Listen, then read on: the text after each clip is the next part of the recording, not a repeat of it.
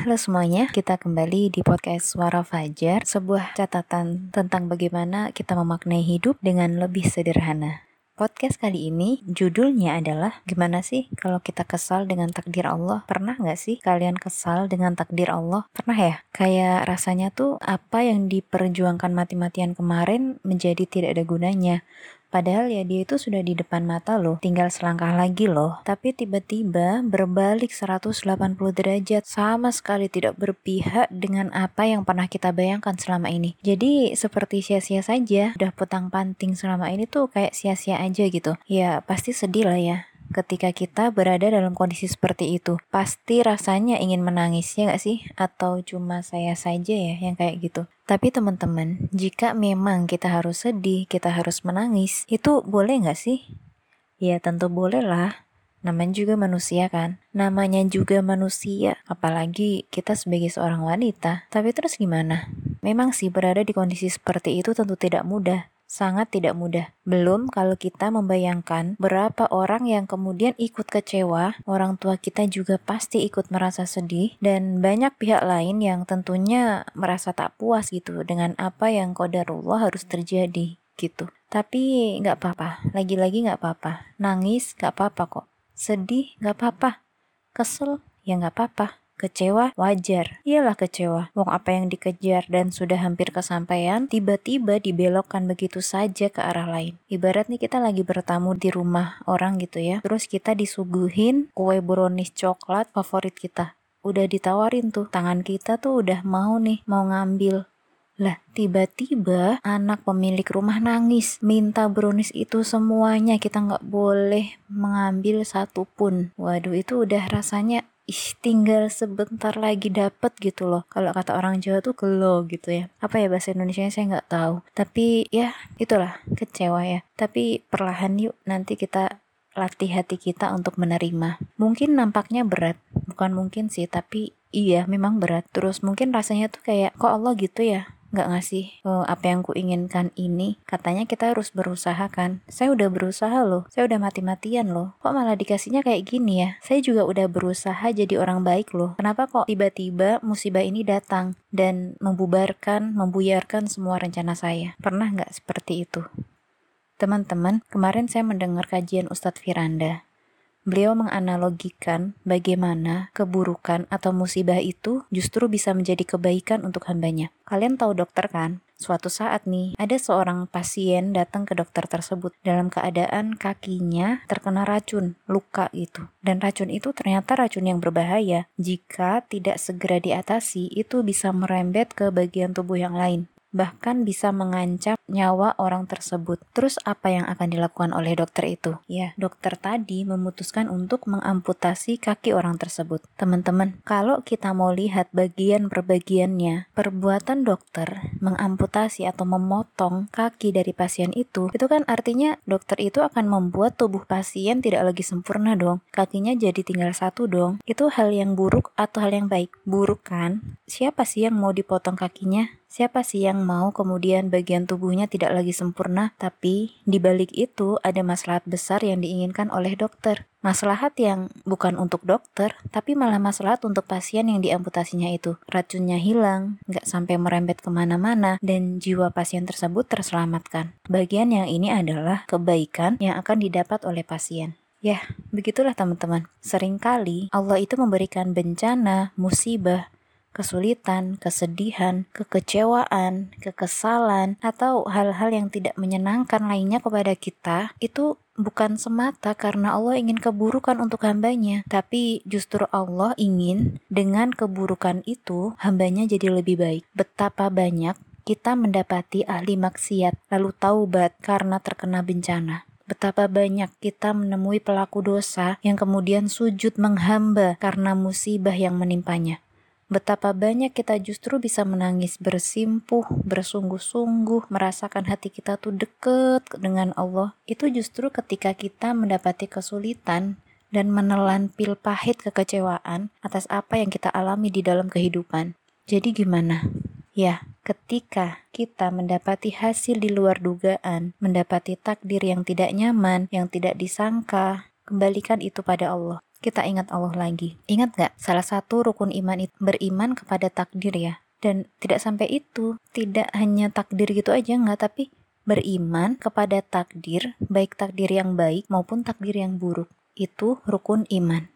Jadi memang dalam hidup ini ya kita akan selalu dihadapkan pada dua hal itu, yang baik dan yang buruk. Terus mungkin ada yang kembali bertanya, kenapa sih Allah itu harus menakdirkan sesuatu yang buruk terjadi kepada kita hambanya?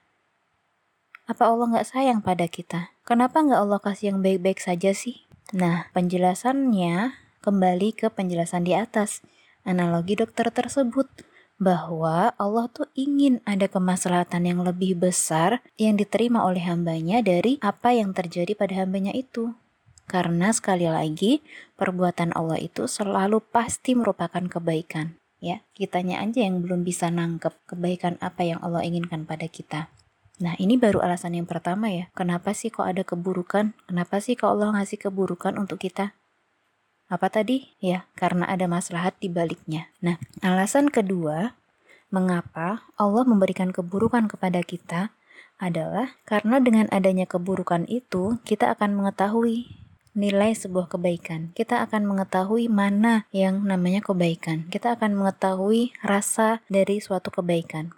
Coba bayangkan, mana mungkin kita tuh mengerti mana rasa cinta, mana perasaan sayang, jika kita tidak pernah merasakan namanya dibenci dan dicaci. Bagaimana mungkin kita mengerti perasaan nyaman saat dimengerti orang jika kita tidak pernah diabaikan oleh orang? Bagaimana mungkin kita bisa menyadari hadirnya nikmat sehat atau nikmat apa pun jika kita tidak pernah merasakan rasa sakit karena kehilangan nikmat-nikmat itu? Bagaimana mungkin kita menyadari berharganya sesuatu jika kita tidak pernah merasakan hampir saja luput, hampir saja kehilangan hal itu? Bagaimana mungkin seseorang bisa merasa bersyukur dengan apa yang dimilikinya jika dia tidak pernah melihat orang yang lebih susah dan lebih buruk kondisinya dari dirinya? Nah, itu. Jadi, terkadang sesuatu itu Allah ambil, Allah cabut, untuk kita tahu betapa susahnya kita mendapatkan hal itu, untuk kita lebih sadar atas nikmat-nikmat Allah pada kita. Sehingga suatu saat ketika kita mendapat hal yang sama, nikmat yang sama, Allah masih ngasih kita kesempatan untuk mendapatkan karunia itu, maka kita bisa lebih menghargainya. Atau kalaupun kemudian kok Allah nggak ngasih kita kesempatan kedua ya, ya kita bisa paling nggak menasehati orang lain bagaimana supaya dia tidak menyia-nyiakan nikmat yang Allah berikan kepadanya sebagaimana kita dulu.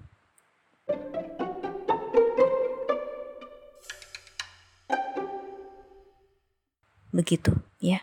Terus yang alasan ketiga nih, mengapa kok Allah ngasih keburukan di dalam kehidupan ini? Tentu karena untuk menguji hambanya, bukankah dunia ini adalah ujian bagi hambanya, ya kan? Bukankah dunia ini ujian?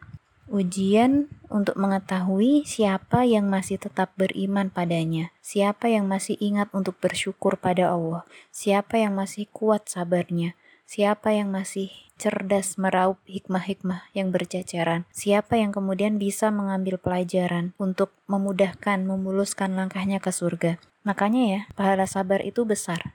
Allah sangat cinta dengan orang yang sabar. Pahala syukur pun luar biasa besarnya. Bahkan Allah janjikan tambahan nikmat yang sama itu berkali lipat kepada orang yang syukur. Kemudian keutamaan orang yang bertafakur itu juga besar. Membuat kita semakin ingat dengan kekuasaan Allah dan kita menjadi semakin menyadari betapa cantiknya, indahnya skenario Allah untuk kita. Oke, alasan keempat, mengapa kok Allah menciptakan keburukan sih di dunia ini? di bumi ini kenapa sih harus ada takdir buruk? Jawabannya supaya berlaku hukum sebab akibat.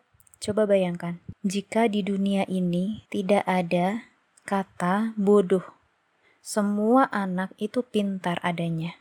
Pasti kita tidak akan menemui perbedaan kata anak yang rajin belajar dan anak yang malas belajar tidak kita tidak akan menemui istilah rajin belajar dan istilah malas belajar karena semuanya sama begitu. Manusia jadi sama semua. Mau kita malas, mau kita rajin, ujung-ujungnya jadi orang yang berkualitas sama, gitu sama-sama baik gitu. Tidak ada yang pintar, tidak ada yang bodoh, tidak ada rajin, tidak ada malas. Toh mau kita rebahan sepanjang hari, atau kita mau belajar sepanjang malam, sepanjang siang, itu hasilnya akan sama gitu. Jadi ya ya udah nggak ada pembeda. Begitu juga dengan pekerjaan. Ada yang dari subuh itu sudah bangun, beranjak dari kasurnya, mempersiapkan diri untuk menjemput nafkah bagi keluarganya, kemudian kerja keras seharian demi mendapatkan sesuap dua suap nasi. Tapi ada juga yang bahkan sampai zuhur itu masih rebahan di kasur nonton streaming ya streaming di Netflix atau drama Korea series ya Terus jika tidak ada kata gagal, tidak ada kata bangkrut, ya dua orang dengan perbuatan yang bertentangan itu ya akan sama-sama sukses jadinya. Ya kualitas mereka akan menjadi sama juga gitu. Padahal apa yang mereka lakukan sangat berbeda. Jadi enakan mana? Rebahan tapi uangnya tetap banyak, ya kan? gitu. Ini alasan keempat ya, mengapa kok akhirnya ada yang kaya, ada yang miskin, ada yang sukses, ada yang bangkrut, ada yang pinter, ada yang tidak pinter, ada yang biasa-biasa saja ya untuk ya supaya berlaku hukum sebab akibat ini. Dan yang terakhir, kenapa kok harus ada keburukan? Ya kalau mau kita pikir-pikir dengan logika kita, di dunia ini akan sangat sulit keadaan jika semuanya tuh sama gitu.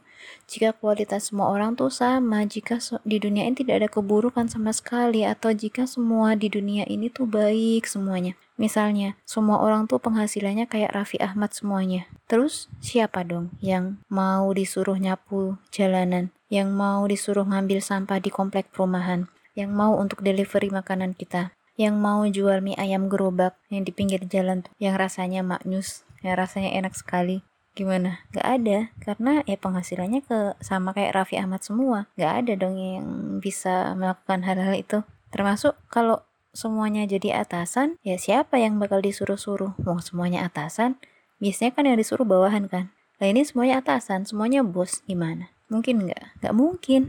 Kemudian semuanya kerja misalnya jadi PNS misalnya. Terus siapa dong yang buka, yang jagain gerai kopi kenangan atau janji jiwa? Nggak ada juga ya. Terus kalau semuanya ngurus keuangan, siapa yang ngurusin lantai kantor? Siapa yang ngurusin parkiran? Siapa yang ngurusin SDM? Siapa yang ngurusin perabotan? Ya intinya apa ya di dunia ini nggak mungkin semuanya tuh sama nasibnya pasti ada yang ada di atas di bawah ya kayak roda gitu lah ya ada yang di atas kadang di bawah jadi memang pasti harus ada mana kebaikan ada keburukan karena tidak mungkin di dunia ini cuma ada kebaikan aja gitu nggak mungkin tidak akan mungkin. Terus gimana?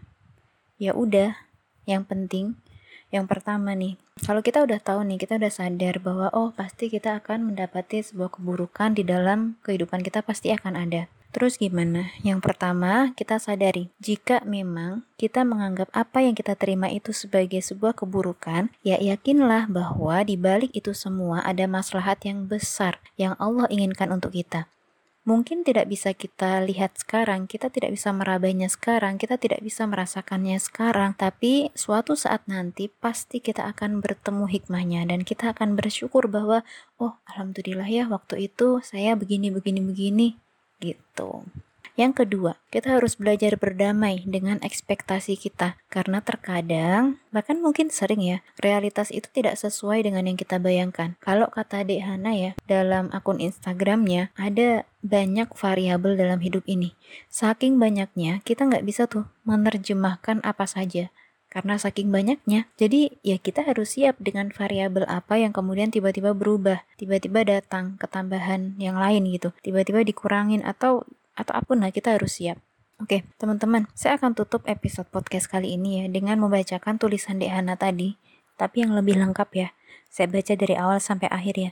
Judulnya adalah variabel-variabel kehidupan. Semoga ini bisa memberikan uh, kayak apa ya insight baru, uh, pemahaman baru atau memberikan ya paling enggak kesejukan gitu bagi teman-teman yang mungkin kali ini merasa takdir sedang tidak berpihak pada teman-teman. Oke?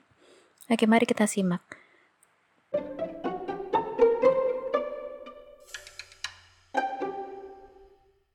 Judulnya variabel-variabel kehidupan. AX plus BY plus CZ sama dengan D. Masih ingatkah dengan persamaan linear tiga variabel ini? Dulu, materi ini terlihat rumit bagi saya. Sekarang sudah lupa, tapi kita sama-sama ingat, kita sama-sama tahu bahwa persamaan variabel jika kurang dari empat tentunya dia punya banyak cara untuk menyelesaikannya.